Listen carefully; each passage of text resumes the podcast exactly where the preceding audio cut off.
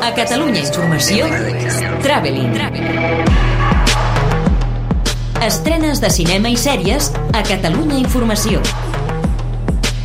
Traveling. Amb Marc Garriga.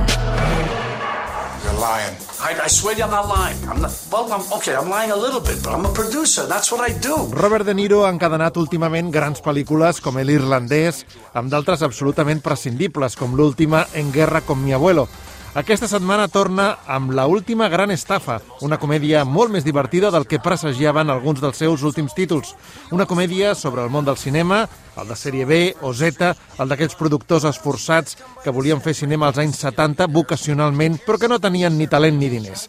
Robert De Niro disfruta i al seu costat ho fan també Tommy Lee Jones i Morgan Freeman en un guió farcit de referències cinematogràfiques clàssiques. Llàstima que sigui tan blanca perquè aquesta cinta crepuscular podria haver estat una gran càrrega de profunditat contra, per exemple, com és de difícil envellir a Hollywood o amb quins criteris s'engeguen projectes multimilionaris. Oui, bonjour Madame Valberg.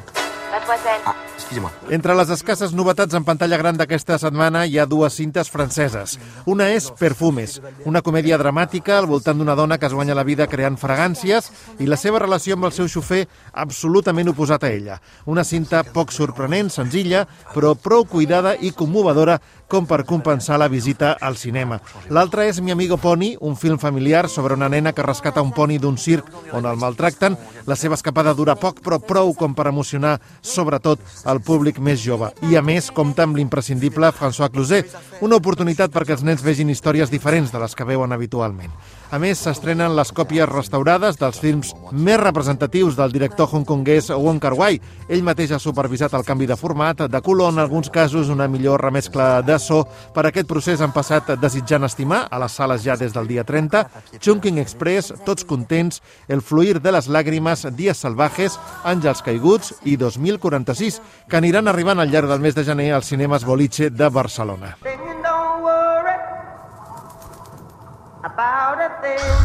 Pel que fa a les sèries, destaca l'estrena el dia 3 a Stars Play d'Apocalipsis, The Stand, l'adaptació de la novel·la de Stephen King, on recrea un món apocalíptic delmat per una plaga i embolicat en una trama elemental entre el bé i el mal i on una monja de 108 anys i un grapat de supervivents són els que han de garantir el destí de la humanitat.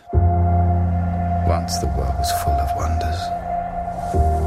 But it belongs to humans now. El dia 1 a Movistar Plus arriba el Descubrimiento de las Brujas, una altra adaptació literària, la de la primera novel·la de Deborah Harkness de la trilogia All Souls, de manera que té vocació de saga i que planteja un món on les bruixes, els vampirs i els dimonis conviuen entre nosaltres sense fer-se notar des de fa segles. Així s'inicien històries romàntiques com les de Crepuscle i, de fet, busca un públic similar.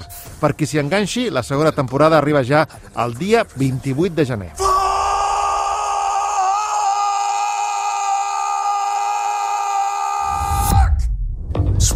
Words. They're the most popular and alluring taboos we have. I també s'estrenen La història de les palabrotes, una sèrie on Nicolas Cage repassa l'origen i l'ús de les paraules malsonants angleses, el dia 5 a Netflix, la sèrie danesa Equinox, on una noia investiga la desaparició d'un grup de joves, entre ells la seva germana, quan anys després troba un dels desapareguts, disponible a Netflix des del dia 30, i Honor, des del 5 de gener a Filmin, on l'actriu britànica Killy House, la de Bodyguard o Los Darrell, investiga la mort d'una dona kurda iraquiana assassinada per ordre de la seva família després d'haver deixat el seu marit que la maltractava. Traveling. Estrenes de cinema i sèries a Catalunya Informació. Amb Marc Garriga. Oh, shit. Bitch, down, pussy. I'm Nicolas Cage.